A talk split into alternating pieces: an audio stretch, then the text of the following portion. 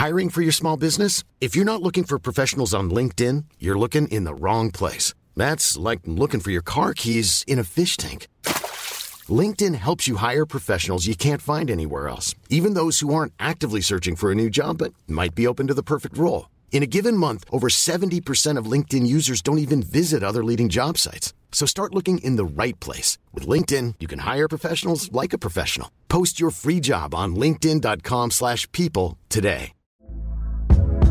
Hey there, it's Michelle Norris. I'm host of a podcast called Your Mama's Kitchen. When I travel, I'm usually looking for a way to find a taste of home when I'm not at home. And one of the things I love to do when I am at home is entertain. And Airbnb allows me to do that. When I was in California recently, I rented a house that had a great kitchen. And when we were sitting around the table, we we're all thinking, we're in someone else's house. Someone could be in all of our homes as well. If you have a home, but you're not always at home, you have an Airbnb. Your home might be worth more than you think. Find out how much at airbnb.com/slash host. Since 2013, Bombas has donated over 100 million socks, underwear, and t-shirts to those facing homelessness. If we counted those on air, this ad would last over 1,157 days. But if we counted the time it takes to make a donation possible, it would take just a few clicks. Because every time you make a purchase, Bombas donates an item to someone who needs it. Go to bombas.com slash ACAST and use code ACAST for 20% off your first purchase. That's bombas.com slash ACAST, code ACAST.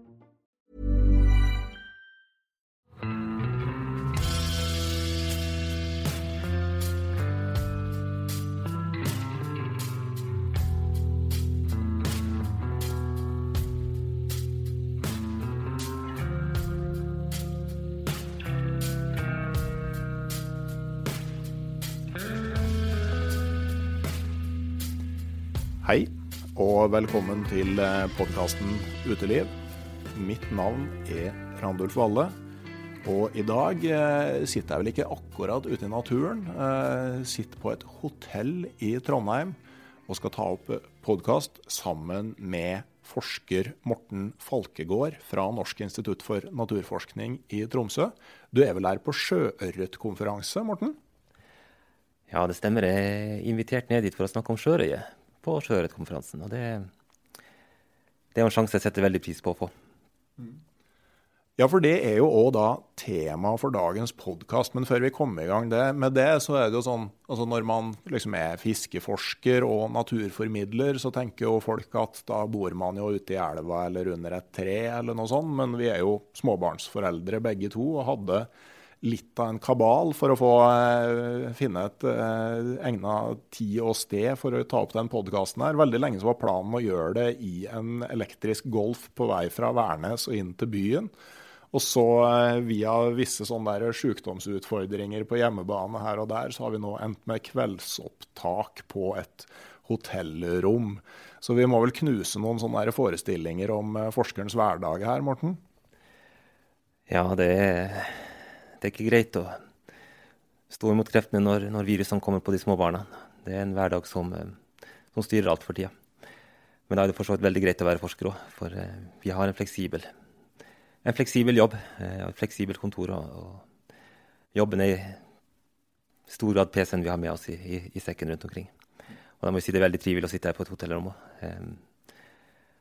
Og kunne snakke om det vi virkelig brenner for. Sjørøya og, og friluftsliv og, og opplevelsene rundt den, den, fisken. For eh, du er jo ikke bare fiskeforsker, Morten. Altså, du, du, er jo fisker også. Altså, det, var, var, det på en måte sportsfiske som for din del var veien inn til å bli eh, fiskebiolog? Ja, jeg vokste opp eh, i Øst-Finnmark. Eh, min mor er fra Vadsø. Eh, og vi mine besteforeldre hadde hytte ute ved Skallelvassdraget. Så jeg vokste opp eh, med å tilbringe somrene ute på hytta der eh, og fiske etter laks og sjørøye. Og så flytta vi etter hvert til Tana eh, og kombinerte med laksefiske i Tana i tillegg. Så jobben i dag, det er vel noe man har lærte fra man var, var, liten. Jeg har vært utrolig privilegert. Har fått sjansen til å jobbe med, med, den hobbyen som på en måte har definert livet hele veien fram, fram til i dag. Jeg trodde du skulle si du hadde vært utrolig privilegert som hadde besteforeldre som hadde hytte i Skallelv, men eh, jeg ser jo begge deler. Ja, det, det finnes vel knapt en bedre plass å tilbringe, tilbringe barnsbena. Det, det, er et fantastisk landskap og en, en, en fantastisk del av Norge som, som, flere burde se. Men det vi skal snakke om i dag, altså, det er fisken sjørøye. Og eh, alle lytterne har hørt om laks, og jeg vil tro at 99,7% har hørt om sjøørret. Men hva er sjørøye, Morten? Ja, det er på en måte lillesøstera i familien anadrome sjøvandrende laksefisk i, i Norge. Eh, som du sier, alle har et forhold til laksen, eh, og veldig mange har et forhold også til sjøret, sjøørreten. Eh, men sjørøya hun holder nå til oppe i, i nord, og, og er en veldig skatta fisk der oppe. Men i og med at den har den utbredelsen såpass begrensa, så, så, er det nok mange sørafor som, som kanskje aldri har møtt sjørøya, aldri, aldri sett den. og, og fått anledning til å fiske etter den. Ja, for sjørøye er rett og slett røye som oppfører seg på samme måte som en sjøørret. Altså røye som finnes i vassdrag som har adgang til sjøen, og som tar en tur ut i sjøen med gjennom mellomrom. Ja, det stemmer. Den, er, den har et, et, et livsløp som, som, ligner veldig på sjøørreten. Eh, den samme måten å, å, gå ut på sommerstid, eh, spise seg stor og fet og, og komme tilbake å Eh, til, til ferskvann på, på, høsten. Så er det en del små forskjeller som, som gjør at, at sjørøya blir unik i den sammenhengen. Det er på mange måter den strategien de her laksefiskene hadde, som, som, gjør at vi har anadrome fisk over det meste av Norge i, i den dag i dag. Altså den, den, måten Norge ble kolonisert av de fiskene etter istida, eh, var nok i stor grad sjøveien. Ja, for laks, ørret og røye var de første fiskene som kom tilbake til Norge etter istida. Røya er jo veldig sånn kaldtvannselskende, så, så, var røya sannsynligvis den første fisken som etablerte seg i de vannene som dukka opp når isen trakk seg tilbake? Ja, det, den kunnskapen vi har, tyder, tyder, veldig på det. Røya, som du sier, er, hun er, er orientert mot kaldt vann.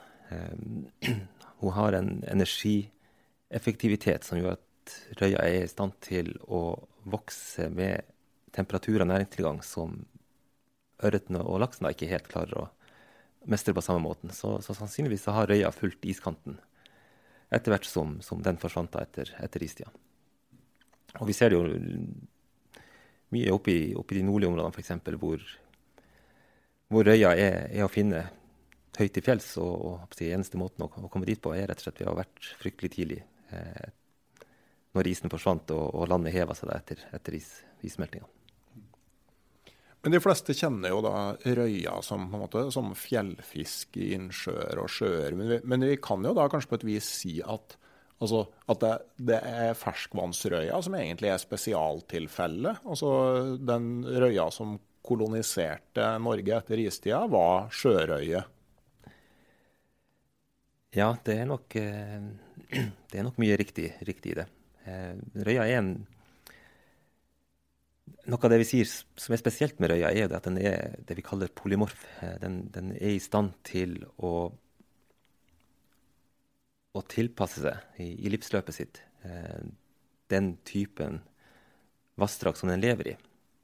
Eh, sånn at eh, i de områdene hvor, hvor eh, hun har tilgang til å vandre ut og vandre tilbake, så, så, gjør den det.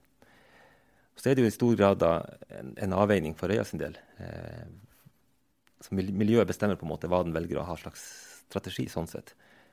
Lever den i et veldig produktivt miljø, så har den kanskje ikke så mye å tjene på, på å gå i hav. Da, da, får du på en måte den innlands, innlandsfisken. Hvis den er sperra fra å gå ut, så, så, har den på en måte ikke noe valg. sånn sett. Eh, men lenger nord, hvor du på en måte får litt mindre produktive områder, hvor det blir store kontraster mellom, mellom ferskvann og, og, hav i produksjon, eh, så har den mye å tjene på å gå ut og beite på, på sommerstid. Ja, så det, så det, er liksom en, en måte sånn den, den, stikker ut i sjøen fordi at næringstilgangen er bedre der? Ja, det, det vi ser, er jo det at, at i de fleste områdene med, med sjørøye, så er det de individene, eh, når den vokser opp eh, som en liten fisk, de individene som vokser raskest, de er på en måte også de som først møter begrensninger i ferskvann. De er de som først får for lite mat, og først får behov for å finne en plass med mer mattilgang. Og da er det jo nærliggende å, å, å, ta turen ut i havet, hvor du gjerne har en langt høyere produksjon og en langt høyere tilgang til næringsrike byttedyr i form av fiskelarver f.eks., eh, som, som vil gi røya den boosten den trenger for å vokse ytterligere i, i størrelse. Sånn at de som vokser raskt som små, eh, går ut og blir, blir, smolt og går ut relativt tidlig. Mens de som vokser litt saktere, gjerne blir et år eller to ekstra før de blir smolt. Eh, og de som vokser saktest, de ender opp med å bli stasjonære. Kjønnsmoder tidlig og, og, ser egentlig at de, de, vokser så sakte at de har ikke noe å tjene på å gå ut. Da kan de like gjerne kjønnsmodne og, og, og gyte som en stasjonær liten fisk. Ok, Sånn at uh, i samme vassdrag så kan du både ha røye som velger å gå ut i sjøen, men òg fisk som blir i ferskvann hele livsløpet sitt. Ja, den er veldig fleksibel sånn sett. Eh, det er Den må jo på en måte nå en, nå en viss størrelse før det blir aktuelt å smoltifisere. Eh, og så er det litt sånn Når vi ser på sjørøyebestandene, så er det, det er ganske stor variasjon på hvordan en sjørøyesmolt ser ut. De fleste ligger på, på størrelse litt over en vanlig laksesmolt i størrelse, men mindre enn sjøørretsmolten. Eh, men sjørøyesmolten er gjerne den yngste av de alle.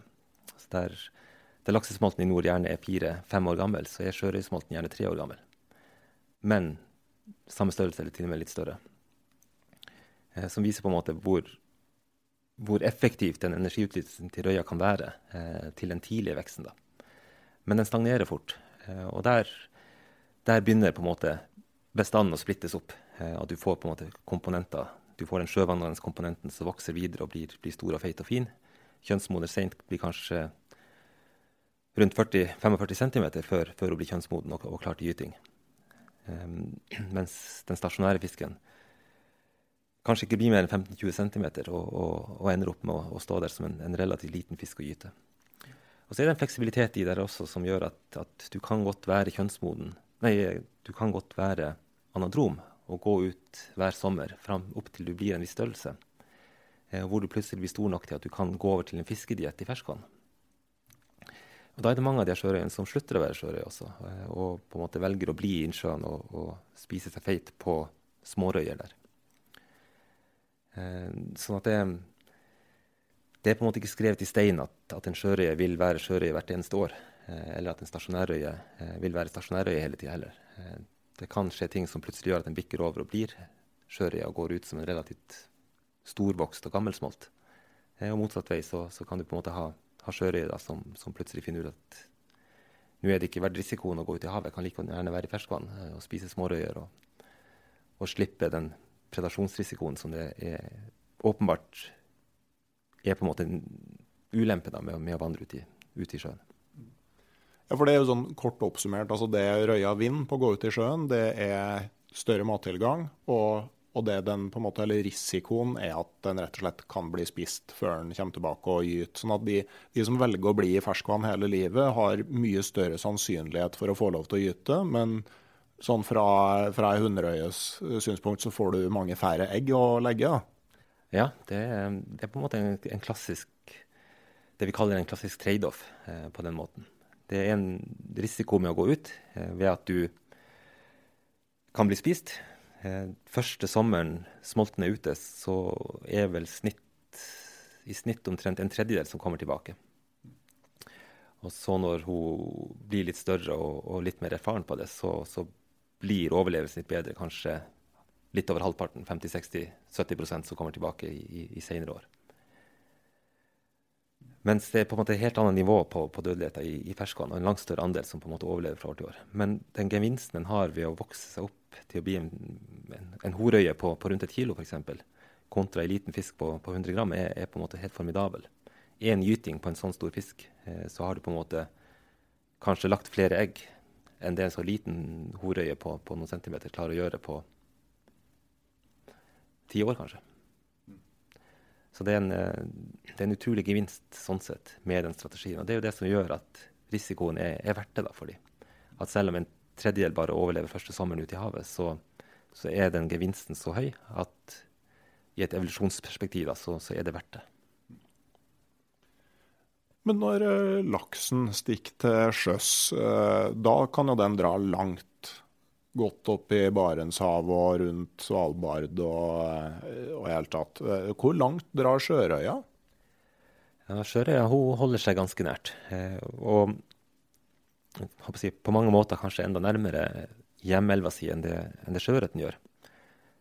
Den ta, husker ikke nøyaktig når vi farta tallene på hvor stor andel av sjørøyepopulasjonene som ender opp med å gå til andre vassdrag, og hvor stor andel det er på sjøørreten. Men det, det, er en betydelig lavere andel av sjørøya som går til si, som feilvandrere eh, enn det er på, på sjøørreten.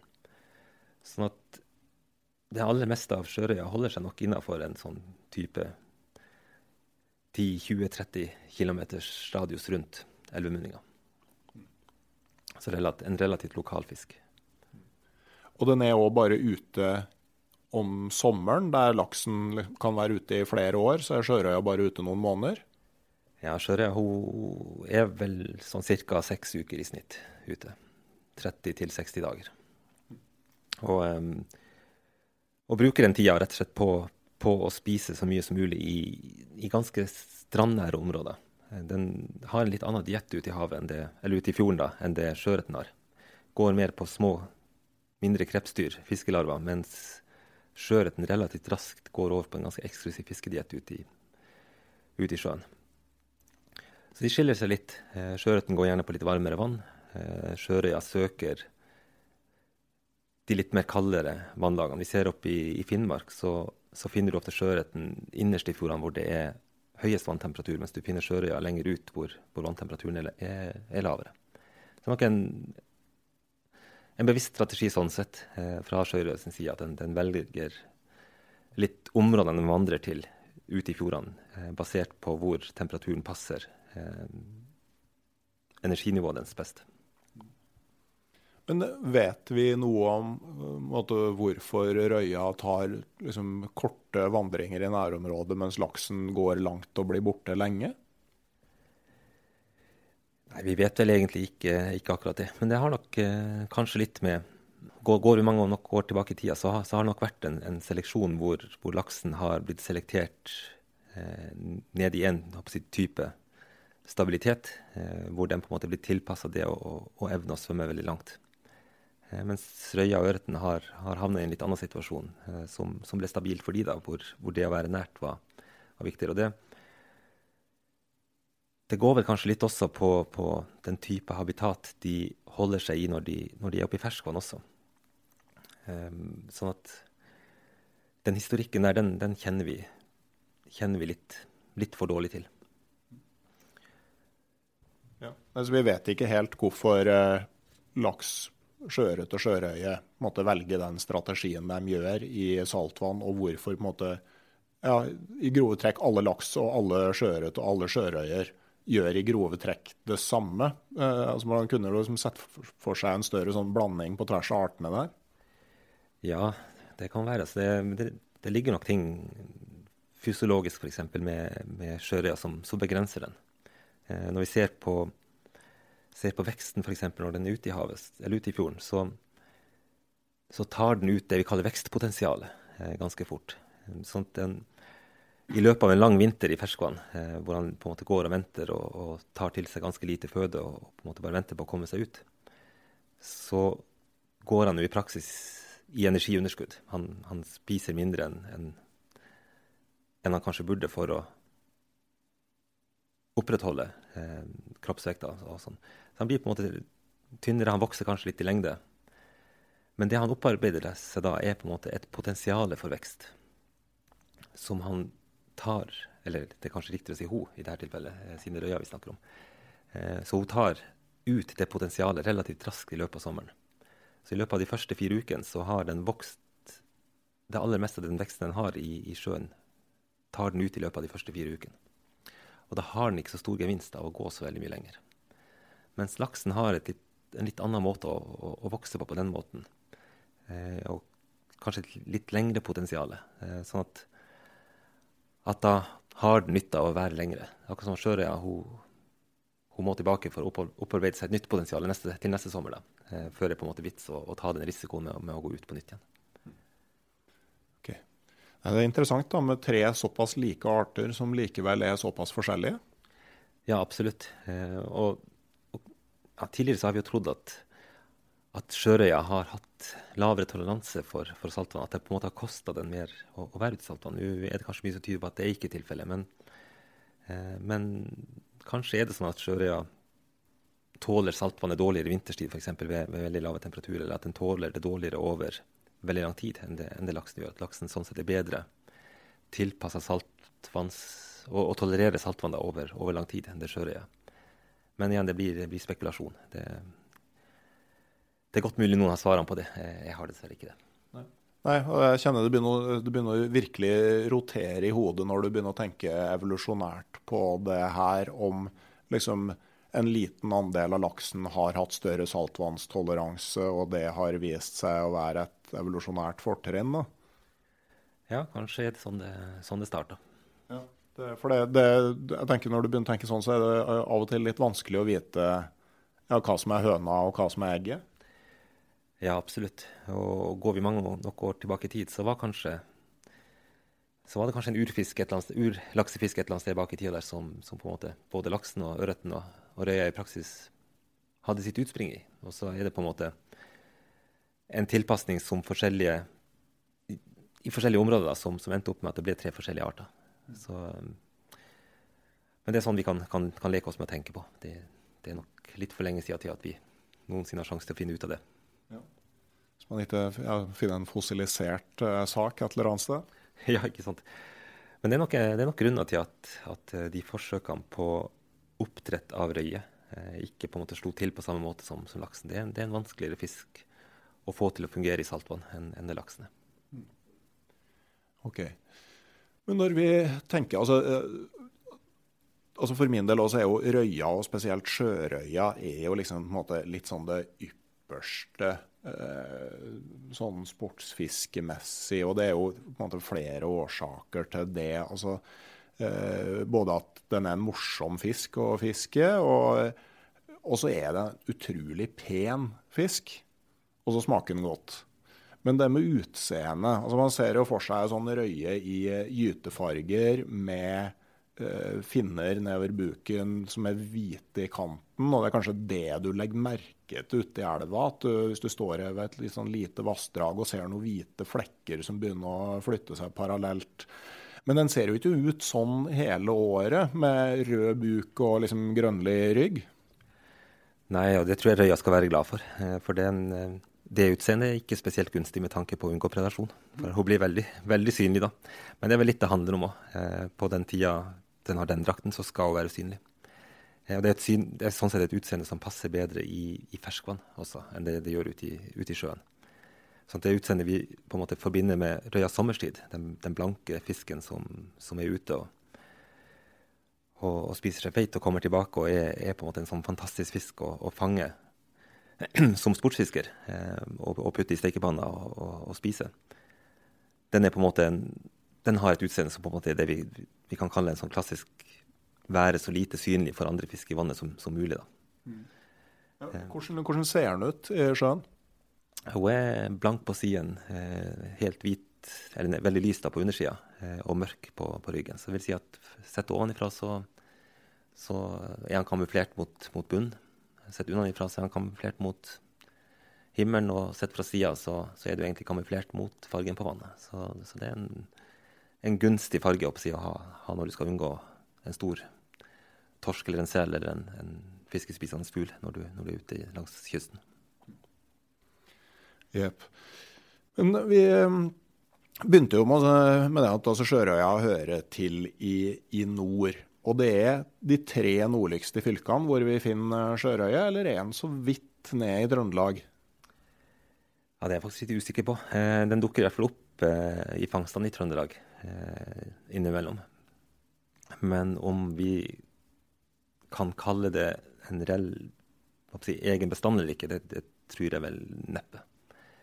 Så du må nok opp i, i, lengst sør i Nordland før du får det vi med sikkerhet vet er en egen sjørøybestand. Nå må jeg faktisk arrestere meg sjøl her, da. For at eh, Norges tre nordligste fylker nå, det er vel Trøndelag, Nordland og Troms og Finnmark? Ja, formelt sett er det vel det, men jeg tror det blir noen år før man tenker på det sånn. Ja. Nei, så, så Sjørøya begynner i Nordland. Eh, men eh, det er riktig at altså, av de vassdragene hvor det kunne vært sjørøye, så er det vanligere at det er sjørøye der jo lenger nord du kommer? Ja, jeg tror vel jeg kan si at typen vassdrag du finner sjørøy i, endrer seg etter hvert som du går nordover. Det typiske sjørøyvassdraget i, i Nordland eh, er jo et vassdrag med innsjø og en relativt kort og tilgjengelig elvestubb som, som røya kan passere uten for store problemer. Og så når du kommer lenger nord, i, i Troms og Finnmark, da, så, så, begynner du å få mer av de her elvelevende bestandene av, av sjørøye. Eh, du har elvelevende bestand i, i Nordland også, i Beiarn i hvert fall. Men, men, det fenomenet blir, blir vanligere opp til lenger, lenger, nord. Og det er nok mye knytta til, til nivået på produksjon i, i innsjøene og hvordan elven ser ut, og, og mye også vanntemperatur i, inni der. her. Det er ikke, tilfeldig at Beiarn f.eks. Har, har en elvelevende bestand av sjørøye. For Beiarn kommer fra, fra bresmeltingsområder og er ei kald, kald elv som kanskje ikke er så gunstig for uh, når, når, det, skal bli smolt. Uh, det er en relativt høy smoltalder på, på laksen og ørreten der. Men sjørøya hun trives som, som plommen jeger med, med, den typen vanntemperatur. Så, men um, nordover òg, altså så er det altså Sjørøya har mindre evne enn laksen til å ta seg opp der det er liksom bratt og fosser og sånne ting, stemmer det? Ja, den, uh, hun blir fortere stoppa uh, i vandringa enn, enn, det de andre blir. Men samtidig så har hun ei utrolig vilje til å prøve. Og hun jobber uh, iherdig. Og det er kanskje ikke tilfeldig at i de Finnmarksvassdragene som, som, jeg har vokst opp i, så er Sjørøya den du finner øverst. Så selv om hun i utgangspunktet er den som svømmer dårligst av de, eller skal vi kanskje formulere litt annerledes. Hun er den som hopper dårligst av de. Så det å forsere fossefall gjør hun dårligst.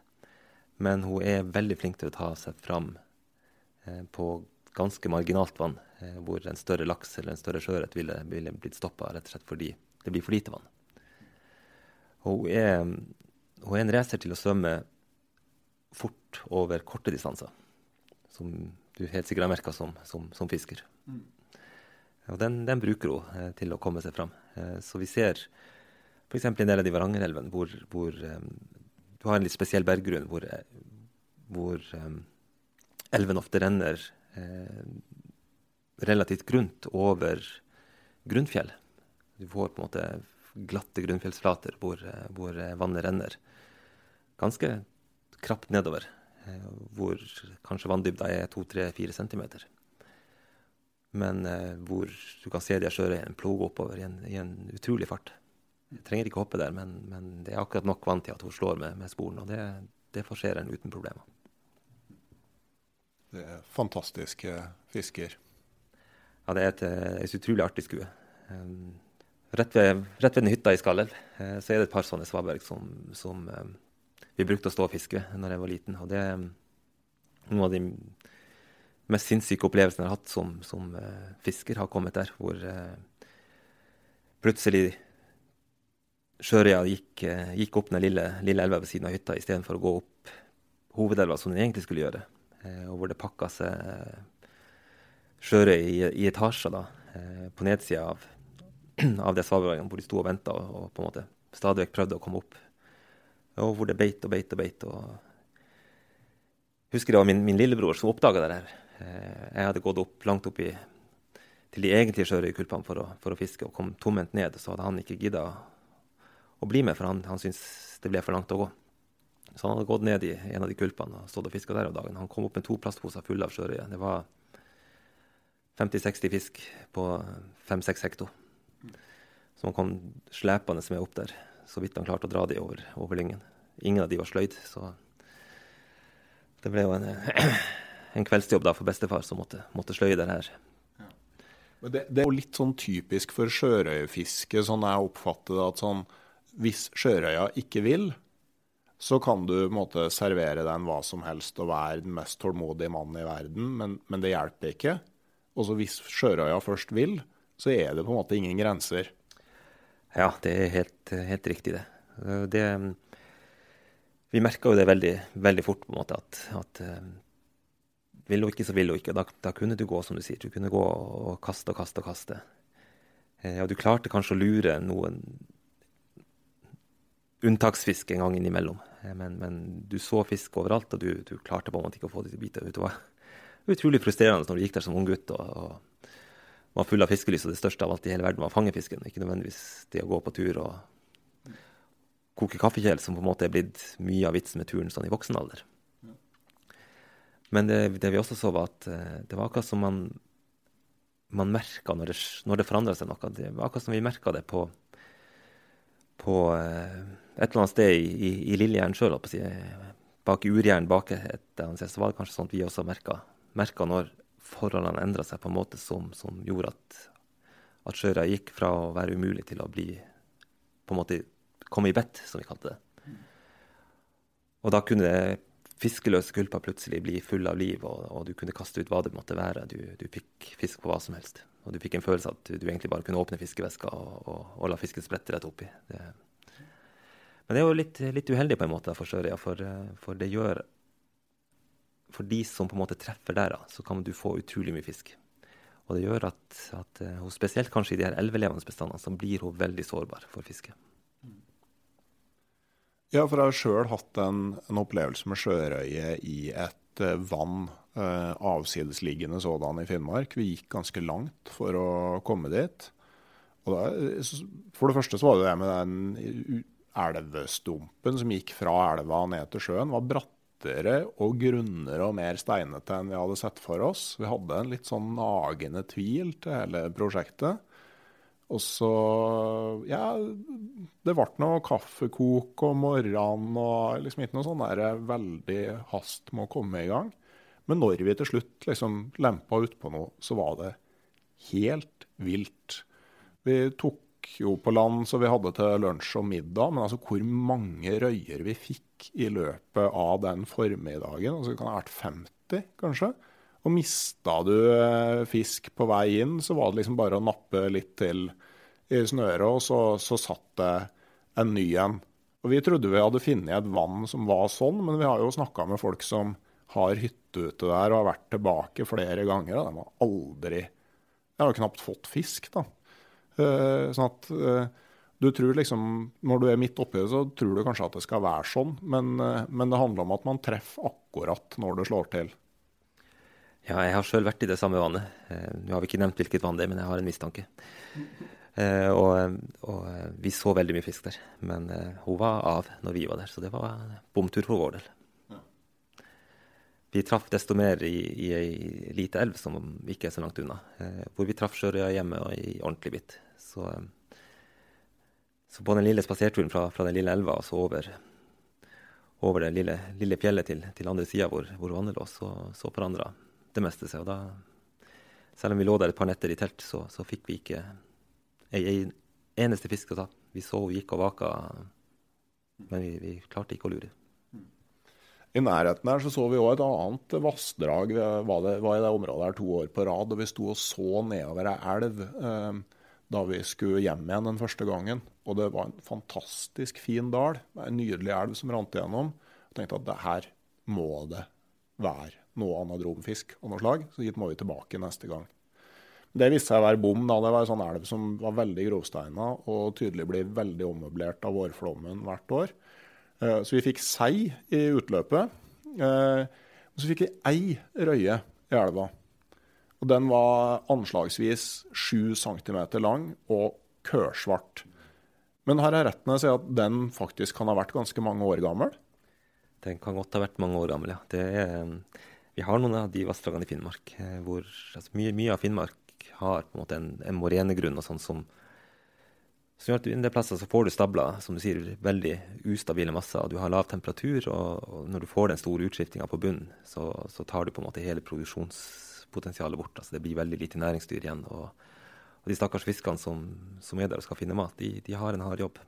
Og så er det jo lite kantvegetasjon òg. Så det, det, er på en måte lite som, som ramler ut i de bekkene fra, fra områdene rundt. I, i andre vassdrag hvor, hvor, du får tett vierkratt, eller hvor du får bjørk og, og sånn som på en måte Og, og gråord og sånne ting som på en måte lager en input av energi til, til vassdragene, så, så, får du både insekter inn og, og nedfallsløv som på en måte er mat for insektene som lever i elva. Eh, men de her små elvene med ustabil bunn og kanskje ikke noe kantvegetasjon, det, altså, det er ørken. Så det, det forsto vi ganske fort når vi kom ned der, men da lærte vi jo noe. Men sånn, for min del, altså første gangen jeg leste om, eller hørte om, lærte om sjørøye, det var det nok da jeg leste Torbjørn Tufte sine bøker i barndommen. Jeg er født i 74, så det her må ha vært kanskje ja, andre halvdel av 80-tallet. Brukte jeg mye tid på å lese det her. Og jeg husker en sånn bok som han skrev på 70-tallet, hvor han skrev om sjørøyefiske i Finnmark. Og det, det, var mye fisk, og det var stor sjørøye. Og jeg husker at han skrev om det fantastiske sjørøyefisket i Stabburselva, som jo øh, altså, Jeg har vel ikke sagt så veldig mye om de elvelevende bestandene, men ganske sånn typisk trekk ved elvene hvor det lever sjørøye, er jo at det er rolige partier i elva. ikke sant? Ja, hun har, eh, hun har sine egne krav til, til gyting. Det er, jo, det er jo de tingene som, som skiller ørreten og røya og laksen eh, fra hverandre. Det er på en måte hva slags krav den har til områder eh, å, å, gyte i. da. Og Røya hun skiller seg fra de andre to ved at hun kan gyte i innsjø. Så det gjør jo ikke ørreten og ikke, ikke laksen. Men det gjør også at røya ser etter de stilleflytende elvepartiene, store stillekulper, eh, hvor, hvor, hun på en måte har, har gytingene i områder som er helt uaktuelle for laks og ørret å, gyte i. Du ser, ser, det kanskje spesielt godt i, i elv som Laggo f.eks., eh, hvor elva, den nedre delen er ganske, ganske raskrennende og, og med, med få, relativt få større kulper. Eh, og når du kommer på, opp på øversida av første, førstefossen, og sånn, så så får du noen litt større kulper. Og omtrent 100% av gytende sjøørret i, i Laggo er, er spesielt én kulp i praksis. Jepp. Men, eh, men, det som er, da, at Stabburselva, der finnes det vel knapt sjørøye i dag, ikke sant? Ja, vi vet, vi vet, jo ikke i den forstand at vi ikke har noe overvåking eh, og noe overvåkingsdata. Så det vi i praksis må basere oss på i Stabburselva, det er jo fangstrapportene fra fiskerne, og, og, og, det på en måte som de lokale forteller om sjøl. Og, og historiene der er dessverre ganske entydig, og det, det er, er, negativt. Og hvis vi ser sånn sett på altså det, det, er et fellestrekk for sjørøya egentlig i hele Norge, det at, at overvåkinga av sjørøya er, er, veldig mangelfull. Sånn at det vi i stor grad har av kunnskap, er det vi ser gjennom fangstutviklinga i vassdragene. Og der er det et veldig generelt trekk eh, for hele Norge, eller hele Nord-Norge, at, at, utover 2000-tallet så har fangstene gått ganske kraftig nedover. Eh, ser vi på Island, som har mange sjørøyerbestander også, så er det helt den samme utviklinga i den nøyaktig samme tidsperioden. Så utover 2000-tallet så er det en kraftig nedgang i fangstene av røye. Så har det stabilisert seg litt på et relativt lavt nivå de siste årene. Og en, en, god del av den nedgangen i fangst er nok et resultat av at man har blitt mer bevisst rundt fisketrykket etter Sørøya. Det, det, er etablert kvoter og, og veldig innskrenka fisketid eh, som på en måte gjør at mulighetene for å fange fisk, eller fange sjøørja, er, er, blitt mye mindre. Og, og fiskerne har nok sjøl blitt bevisst på det. Men du får ikke en innskrenking i fisketid sånn sett, uten at det på en måte har brent, i, i den forstand at noen har fortalt over flere år at de er urolige. Sånn at, at den, den endringa i forvaltning som kom da, eh, spesielt etter 2006, er nok et resultat av at folk har sett at det har blitt mindre sjøørret, og har varsla om det, og så har på en måte forvaltninga tatt konsekvensen av det. da. Ja, det, men jeg ser jo for meg at altså, sånn når, du for, når, du ser på fangstdata der, altså bl.a. det at du kutter sjørøyefisk i august, eller ti, relativt tidlig i august i mange elver, så tar du vel bort noe av det som tidligere har vært den beste sesongen? da? Ja, det er nok litt både òg. Det er nok litt, litt vassdragsvariasjon på det. Jeg tror dessverre for mange av sjørøvervassdragene sin del så, så, har man beholdt den tida som man har beskatning på den mest verdifulle sjørøya. Eh, sånn at når, hvis vi tenker på seks uker ute i, ut i fjorden som har det som utgangspunkt, eh, så er sjørøya veldig tidlig ute. Eh, I mange vassdrag så går hun ut før isen forsvinner, i praksis.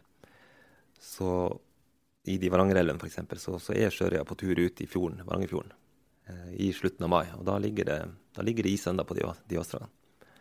Og det er snø, jeg, det, det, er skiføre rundt, rundt, elven også på, på den tida. Og, er, og de som går først ut, er, er, de som har vært ute mange ganger før, og som er kjønnsmodne allerede. De går først ut. Og så kommer gjerne smolten to, tre, fire uker seinere. Og Da ser du på en måte det samme eh, på tilbakevandringstida. Eh, tar du seks uker fra slutten av mai, så er du i begynnelsen av juli. Tar du seks uker fra midten av juni, så er du i begynnelsen av august. Så den fisken du i utgangspunktet fisker i august, er førstegangsvandrerne som kommer tilbake, eh, og den umodne, litt større fisken. Halvkilosfisken. Det er på en måte den, den fisken som, som, kanskje i hovedsak ville vært beskatta i august. Mens den som er på tur opp i stor grad i juli, begynnelsen av juli f.eks., hvor det er fisketid på sjørøya, er den kjønnsmodne fisken. Den som du kanskje egentlig ønsker å spare. da. Så den, den er litt kinkig, eh, og kanskje en litt uheldig side ved, ved, ved den begrensninga, der, der fisketida kanskje mer er retta mot å minske beskatninga på gjeldfisken, som jo i utgangspunktet er veldig tallrik. Mens den fisken som på en måte skal gi deg penger på bok i fremtida, er den som på en måte da er utsatt for, for, for fiske i, i den, den, den fisketida der i, i juli. Så ville sånn sett da eh, største mål vært eh, en bedre forvaltningsstrategi enn begrensa fisketid? Ja, eh, det er vel ikke tilfeldig at eh, jeg sitter i Vitenskapsrådet for lakseforvaltning. Eh, det har vært tatt dissens én gang i en rapport eh, fra Vitenskapsrådet. Og den gikk på en diskusjon om Vitenskapsrådet sine anbefalinger for minstemål. Og min argumentasjon der er at minstemål er ikke nødvendigvis en veldig gunstig vei å gå. Eh, et maksimumsmål vil sannsynligvis gi langt bedre resultater hvis du skal tenke produksjon av fisk i fremtida. Mm. Og spesielt kanskje en, en fisk som sjørøya, som, som, har en, en vandringstid eh, som sammenfaller veldig med det som i praksis er den mest besøkte tida i mange av de vassdragene. Ja, når de viktigste fiskene kommer akkurat i månedsskiftet juni-juli, så er det jo da fisketrykket i Finnmark og er på det aller høyeste.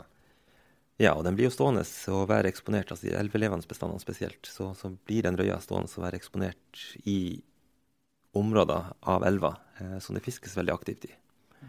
Sånn at det er De, de overvåkningstallene som vi har, eh, de indikerer at det er år om annet, litt avhengig av hvordan forholdene er, men år om annet så er beskatninga på den kjønnsmodne delen av røybestandene veldig, veldig høy. Men et annet, altså, Du ser jo nå i Finnmark eh, en stadig flere elver at du får enkeltkulper som er freda. Altså for Sjørøya så skulle man kanskje tro at det kunne være et effektivt tiltak. Jeg vet jo sånn som I Børselv så er jo en veldig sånn typisk sjørøye, nesten et tjern, eh, et stykke opp i elva, eh, er jo helt freda for fiske. Ja, det er ingen tvil om at, det, om at fredning, fredning har tror jeg har hatt en veldig gunstig effekt på laksen i, i, i flere finnmarkselver. Eh, og det vi ser på, på, på fangstfordelinga i, i, elven og, og, og overvåkinga, så, så, er det mange vassdrag som veld, har gjort en veldig god jobb med å velge seg ut kulper eh, som er freda. Eh, men det er jo i stor grad gjort med tanke på laks. Mm. Men så er det noen vassdrag som, som, har gjort litt det samme på, på, på Sjørøya også. Og jeg tror det har potensial som, som et veldig effektivt tiltak. Eh, på mange måter kanskje mer effektivt til og med enn kvote. Kvote er fryktelig vanskelig å, å, holde oppsyn med. Eh, du kan på en måte ikke gå i sekkene til folk og undersøke hva de har gjemt unna der. Det vi så i Vestre Jakobselv, følte jeg da, eh, når jeg mange, for mange år siden, tilbake i 2006-2007, jobba der i, i Vadsø som fiskeforvalter. Og det her var på en måte i den tida hvor kvoter ble innført. Da argumenterte vi fra fylkesmannens side veldig hardt mot å bruke kvoter sånn sett, og, og ønska at vassdragene mer skulle konsentrere seg om om fredning da, som, som, reguleringsprinsipp.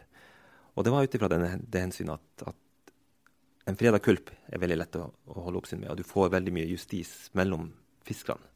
De er på en måte beveger seg på nedsida og på øversida og passerer de fredningsområdene. Og sånn sett slår ganske hardt ned på eh, om de ser tjuvfiske der. Men om noen tar en, en laks for mye og stikker det ned i sekken, så, så er det veldig usynlig.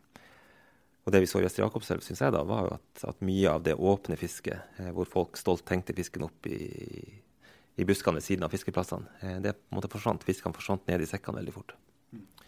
Det kan jo òg føre til at du får feilaktig rapportering? Ja, altså du får en, en rapport som, som, kanskje har en svart, ukjent side som vi ikke vet om.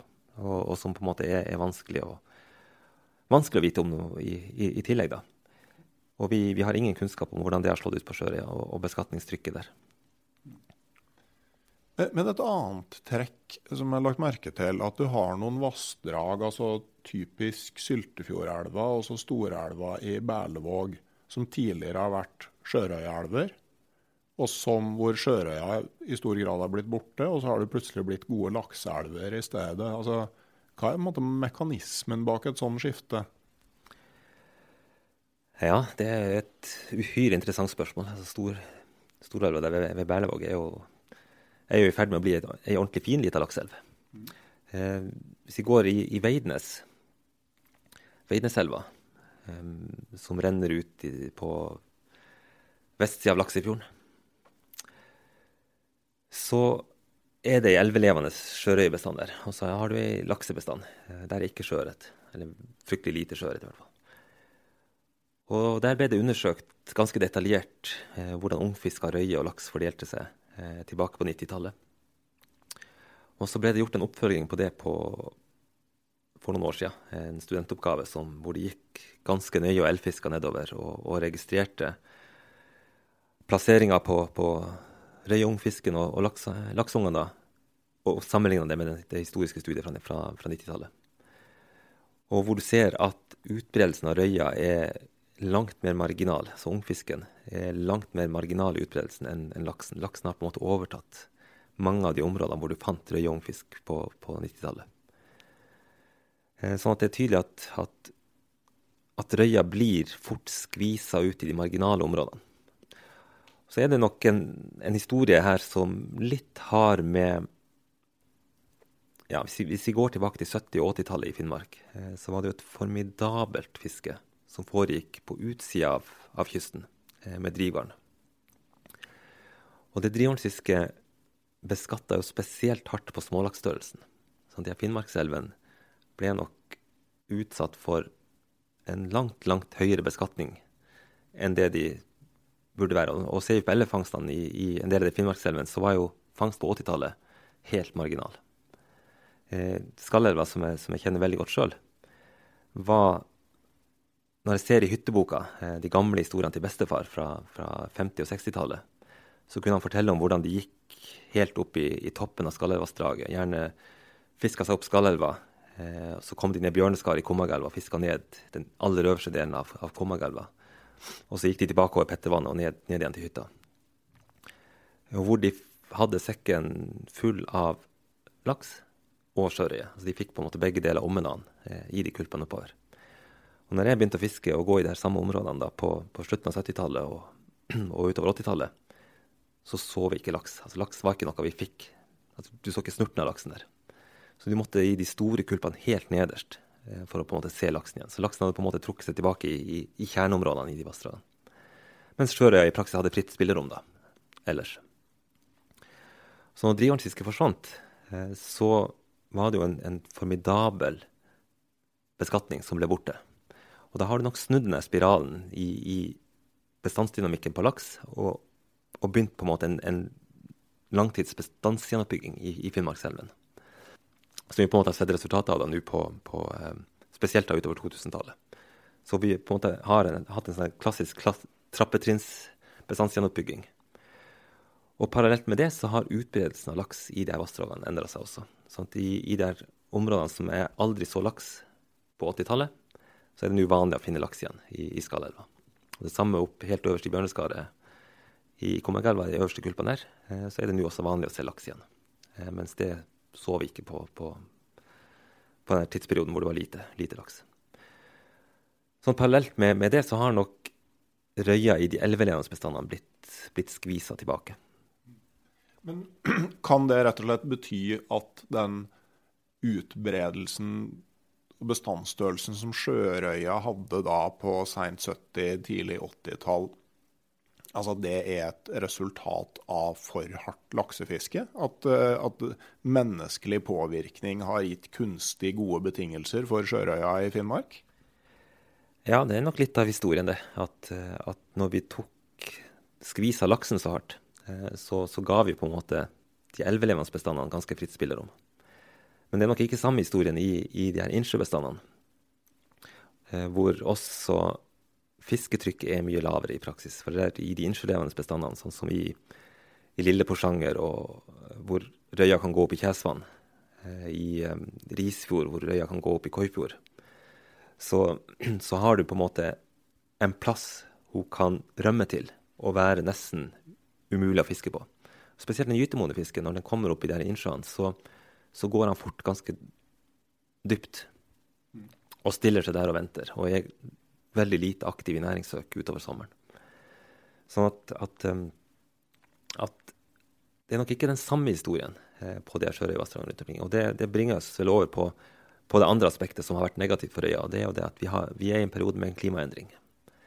Eh, hvor temperaturene i nord endrer seg. Eh, det er tidligere snøsmelting høyere vanntemperaturer sommerstid. Og i praksis sånn sett er det blitt gunstigere forhold for ørret og laks. Og i den konkurransen så taper røya. Eh, og opp mot ørreten f.eks. Så, så vil ørreten fort skvise røya i innsjøene på en helt annen måte enn det laksen gjør. Og det er nok en historie som, som jeg tror er starta i mange, mange deler av, av Nord-Norge, som vi overhodet ikke forstår godt nok ennå. Ja, og det at det samme skjer på Island altså Det behøver jo ikke bety at det er samme årsak, men det er jo nærliggende å tenke at når du ser samme utvikling på samme art innenfor samme skal du kalle det region da, i verden, så, så, er det noe på en måte større globale årsaker som, eh, som er ute og går her. Ja, det er veldig nærliggende å tro det. Eh, når du på en måte har den, en helt synkron utvikling i, i fangst over så store områder med, med så, såpass stor avstand mellom seg. Og, og Island og Norge de, de, har ikke så veldig mye felles, for, for, å si det sånn. Men det er jo en veldig nærliggende å tro. Det de har til felles, er jo nettopp det at, at klimaet har endra seg. Eh, og at det er i endring på en måte som endrer litt det her forholdet, gevinstforholdet for øya. At kanskje spesielt det med å den relative gevinsten på det å gå ut i havet, eller gå ut i sjøen, kontra det å, å forbli i ferskvann, har endra seg på en måte som gjør at færre røyer nå blir anadrome. At færre velger å gå ut. Og kanskje er det så enkelt som at, at uh, temperaturøkninga har gitt en økning i produktivitet i ferskvann. At de sånn sett ikke har den samme gevinsten på å gå ut eh, som, som før. Ja, beklager, her er, her er litt forkjølelse. Det er også et trekk ved småbarnsforeldre. Er, med fire unger så burde du ha vært gjennom det meste av den eh, genebanken.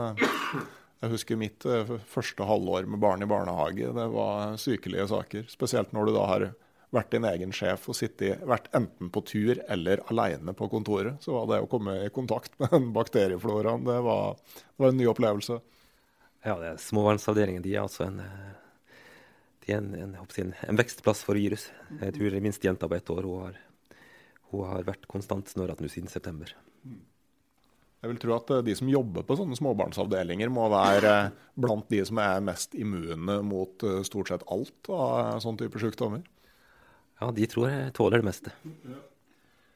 Jepp. Nei, men eh, vet vi forresten, altså Røya den, altså Hvis du ser på Polhavet som et sånn slags middelhav, altså hvis du ser på eh, jordkloden fra toppen i stedet for fra sida, så er jo på en måte Polhavet omkransa av land sånn eh, i stor grad rundt. Og, og det, det, er jo det som er på en måte territoriet til sjørøya. For du finner jo på Grønland og på Svalbard og i Canada og Alaska og Sibir òg, vil, vil, jeg tro. Men altså, vet vi noe om bestandsutviklingene på sånne plasser? Vi vet forsvinnende lite. Altså, det er jo det er som du sier, den er, den Røya hun er, hun er sirkumpolar. Hun går rundt, rundt, hele Polhavet. Men store deler av det området vet vi ingenting om. Vi vet litt om, om Røya på, på Grønland. Eh, og noen av de vassdragene på Svalbard er, er Røya brukbart studert. Så det er ganske bra med studier i, i Canada og, og, og, Alaska også. Og dessverre så ser det ut som at eh, en del av de signalene vi får f.eks. fra Nord-Amerika, er, er, i samme retning. At, eh, at hun går tilbake. At det blir, blir, mindre. Hun blir mindre i størrelse, og, og det blir lengre mellom de store fiskene. Det er jo, mange tenker jo på Grønland som det store sjørøverparadiset. Eh, og en del av de vassdragene på Grønland er jo helt fenomenale. Eh, hvor det å få, få røye på 3-4-5 kilo nærmest det er noe du tar som en selvfølge når du, når du er på besøk der. Men også de fiskene er, er, er i ferd med å bli mindre vanlige enn, enn det de var før. Men der er kanskje hoveddelen av skylda i stor grad det at, at beskatninga også er, er, er, gått kraftig opp. Sånn at dødeligheten på den store fisken er, er mye høyere nå enn den var for, for 30-40 år siden. Er det rett og slett et resultat av sportsfisketurisme? Ja, det er kanskje rett og slett det. Så der, der har du jo et sånn en, en, helt annet forhold, ja. Men, eh, men eh, når Sjørøya nå er på en måte altså vi vet at noe skjer, men vi vet ikke noe om årsakssammenhengen. Altså, eh, hva forskes det på når det gjelder sjørøye i Norge i dag? Det forskes vel dessverre altfor lite. Eh, røya hun, hun, hun er havna i bakleksa. Hun er, hun er blitt en glemt historien en glemt fisk. Det ble det var en god del oppmerksomhet rundt, eh, rundt sjørøya på slutten av 80-tallet og, og utover 90-tallet, hvor hvor man hadde ganske store prosjekt knytta til det å prøve å få til oppdrett rundt sjørøya. Eh, men, men, når det på en måte gikk litt skeis, så, så, forsvant også mye av midlene knytta til forskning på, på, Røya. Så det var kanskje en av de tingene som, som virkelig vi, vi, ser et skrikende behov etter i dag, det å, å få en forutsigbar overvåking. Altså vi, vi mangler helt årlig overvåking eh, i enkeltvassdrag på sjørøya, sånn som vi har på, på, laksen, og etter hvert har fått også på, på sjøørreten. Så der, der, har Norge et, et stort forbedringspotensial. Spesielt kanskje nå med tanke på de relativt negative signalene vi ser rundt utviklinga i, i, mange vassdrag. Så, så, behøver vi nok en helt annen kunnskap fremover for å kunne sette fingeren på akkurat hva er det som er mekanismene som gjør at sjørøya sliter.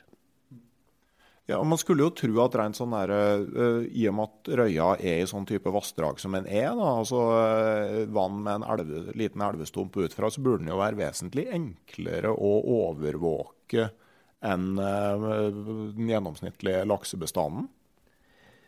Ja, det er jo litt av ironien i det, i det her. Det er, en, det er, en, veldig lett fisk på mange måter å overvåke. Men vi har jo noen tidsserier på, på overvåking som har vært gjort med, med fiskefeller eh, Halselva oppe i Altafjorden f.eks. og, og Møkkelandsvassdraget utenfor Harstad. Eh, men det er tidsserier som er blitt borte, rett og slett fordi man mangler midler til å, å fortsette med fellen. Fiskefella i, i Møkkeland ble drevet av Nina Tromsø i, i en årrekke. Eh, og, og, ble på en måte lagt ned fordi lommepengene som skulle til for å drive den videre, ble på en måte forsvant. Den ble forsøkt starta opp igjen for noen år siden, men, men de planene ble lagt på is i praksis av forvaltningsmyndighetene fordi vassdraget ikke hadde god nok eh, fangststatistikk. Og det er jo litt ironisk. altså Vi, vi, vi behøver ikke en god fangststatistikk eh, for å kunne ha en overvåking. En, en fiskefelle vil gi deg alle de dataene du trenger for å si hva det er som, som skjer med, skjer med røya i, i, akkurat det vassdraget, f.eks. Eh, så det, det, var en, det, var en, spesiell tilbakemelding å få fra, fra Fylkesmannen i Troms sånn sett på for de årene siden når, når, når den meldinga kom. Men jeg tror kanskje at, jeg, jeg tror kanskje at vi ser en, en holdningsendring der hvor, hvor, hvor, de signalene er blitt såpass kraftige. Eh, det at, at, Røya strever og, og, og, er i negativ utvikling, mens, mens ørreten og laksen kanskje litt en, går litt motsatt veien da i nord. Eh, og at det kanskje gjør at vi, vi vil få mer, mer eh, gjennomslag på, på det å start, kunne starte opp med, med en forutsigbar langtidsovervåking på, på Sjørøya også. Ja, jeg synes det var sånn underlig det der at du, du, som du sier, altså hvis du kan telle hver eneste fisk som går eh, opp og ned av elva, så, så er jo fangststatistikken plutselig ganske lite viktig. Ja, den er, på en måte veldig lite viktig. Det er et vassdrag som det fiskes ganske lite i, og hvor vi har veldig god oversikt over de grunneierne som er aktive. Sånn det å, å, på en måte sånn sett ha et samarbeid med de ville vært, vært helt uproblematisk. Så det det var en, en, en sjanse som gikk tapt der. Eh, og, og nå er det på en måte litt trist, da, fordi som sagt, det, er en lang tidsserie der som, som, kunne vært bygd på. Og, og, det hadde vært utrolig verdifullt for å forstå hva var vilkårene da eh, for 20-25-30 år siden, eh, og dynamikken der, sammenligna med hvordan det er nå i dag. Ok. Nei, men vi kan i hvert fall notere et ønske om om midler til økt forskning på sjørøye. Så havner man jo liksom på en måte i samme litt sånn dilemma som sportsfisker som man av og til gjør. da. Altså Det er en fantastisk fisk som er utrolig morsom å fiske. Eh, altså Bør man fiske sjørøye i dag? Ja, det syns jeg absolutt. Og, og, det er en fisk som, som tåler å bli fiska på eh, i de fleste områder, men, eh, men ha magemål. Mm. For det er nettopp det at når den først er i bettet, så, så, kan du av og til få omtrent så mange som du vil. Men altså, hvordan, hvordan fisker man sjørøye?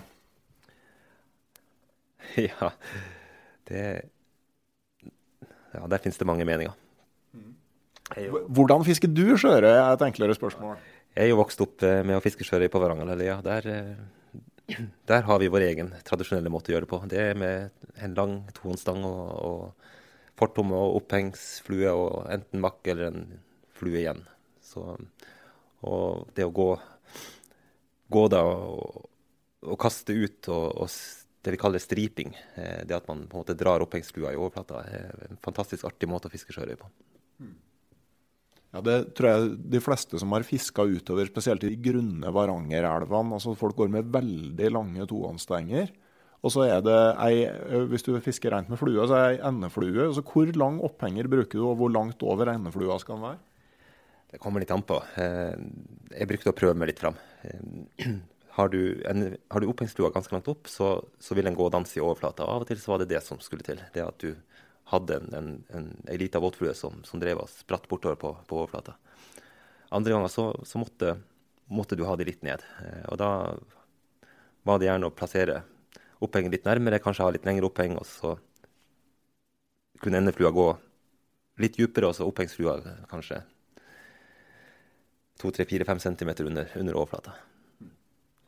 Og Det blir jo et ganske visuelt fiske, det her, enten, altså spesielt når du striper i overflata, men også når du har det bare et par-tre-fire centimeter under vannflata, så ser du jo veldig tydelig når det skjer noe.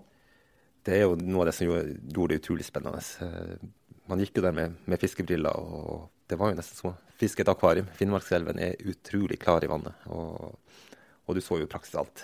Og det å se den der plogen som plutselig kom, reiste seg bak, bak flua kom etter. Og så er jo Sjørøya hun er løs i bittet. Hun, hun, er utrolig kjapp når den kommer og tar. Og, og det er fort at flua setter seg helt, helt ytterst i munnviken, og du har bare en liten skinnfille å sitte fast i. Og da, da ramler hun fort av. Også.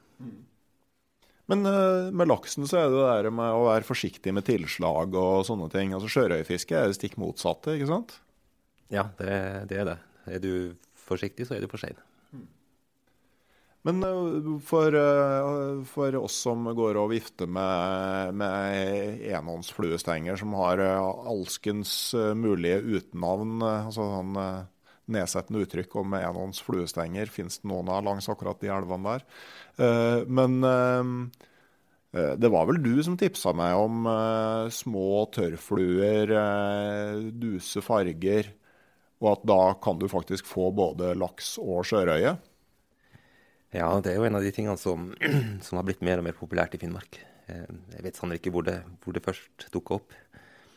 Vi starta rundt 1990 Eh, hvor vi plutselig oppdaga at eh, det gikk an å fiske laks med tørrflue. Og eh, det var gjerne de samme fluene som vi gikk og fiska sjørøye. Eller, eller innlandsørret og innlandsrøye for den saks skyld òg. Eh, helt øverst i Tana, i enkelte av sideelvene i Tana f.eks., så, så kunne man ha et fantastisk artig fiske etter laks, samtidig som man fiska etter eh, elveørret. Med de samme fluene. Ja. Vi prøvde det her i ei elv med, med, både laks og sjørøye, og en kompis av meg endte opp med fire kilos laks på tørrflue i størrelse tolv. Det var en ganske morsom fight. Ja, jeg har, jeg har hatt en tilsvarende se men Den kan ha vært rundt 4-5 kilo på ei lita tørrflue i størrelse 14 med 0,17 fortom. Det gikk ikke så veldig bra. Men eh, det er jo noe jeg har hørt, eh, at eh, en del mener sjørøya er mer var for fortomstykkelse enn det laksen er. Hvordan er dine erfaringer der? Altså, det er jo som vi var inne på her i sted, at røya hun er av og til av i, i bettet, og av og til så er hun fryktelig på. Og når hun er på, så tror jeg du kunne jeg,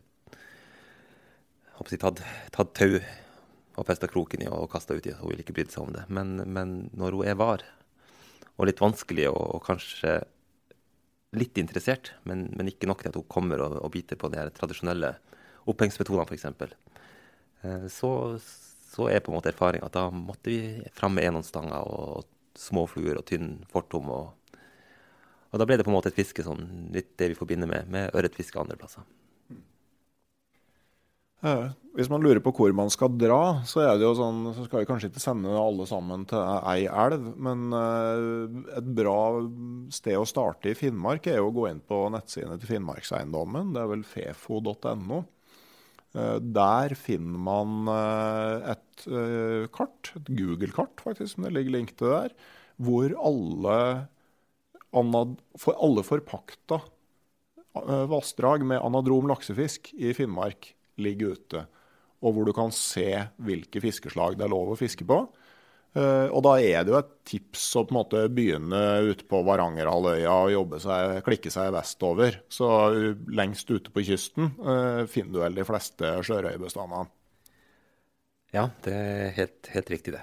Og så er, er, det noen skjulte perler innimellom, så ikke vær redd for å prøve nye ting. Nei, hvis du, du kan prøve Google Maps. Uh, og da må du vel strengt tatt dra dit for å fiske stasjonær røye. Og skulle du få anadromfisk et sted som ikke er registrert, så skal han ut igjen. Ja, det er vel faktisk sånn i Norge at uh, etter loven så er den freda, med mindre det er åpna for fiske. Og det må være en vedtatt fisketid for at det skal være åpna for fiske. Så i praksis så er det riktig. OK, da har vi det formelle på, eh, på stell. Jepp.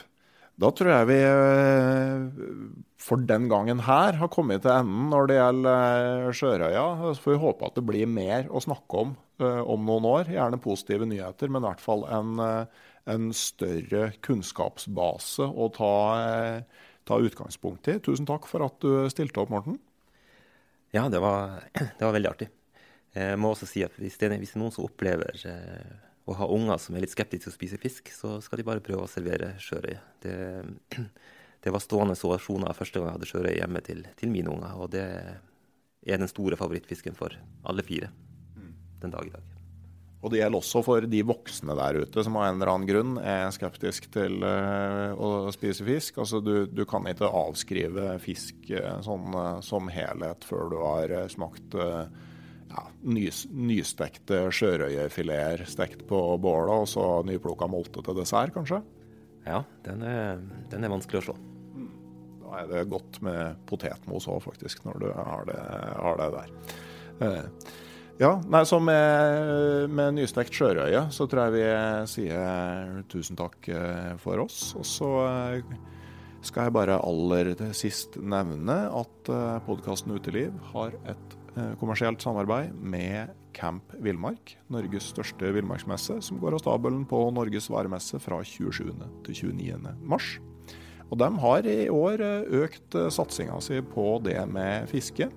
Så det skal være et bredt spekter av utstillere på gang der. Så kan dere jo gå dit og spørre om råd til sjørøyefluer.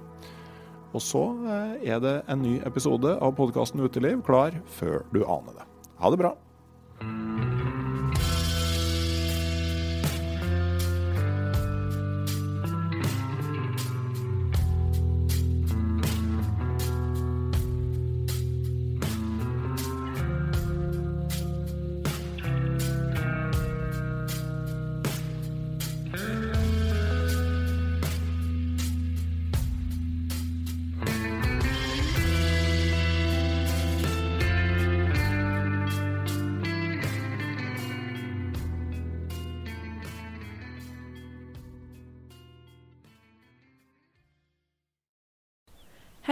Jeg heter Nore Helligsen og er daglig leder i Barents Outdoor. Det beste vi kan gjøre for planeten, er å redusere forbruket vårt og få mer ut av det utstyret vi allerede har. Men vi vet av erfaring at bruken av telt kan endre seg over tid. Det teltet du kjøpte for to år siden, passer kanskje ikke det behovet du har i dag. Derfor har vi i Barents etablert en egen panteordning der vi tar imot brukte telt av god kvalitet i innbytte når du kjøper et nytt av oss. Prosessen er enkel. På barentsoutdoor.no gir det oss informasjon om teltet du vil bytte inn.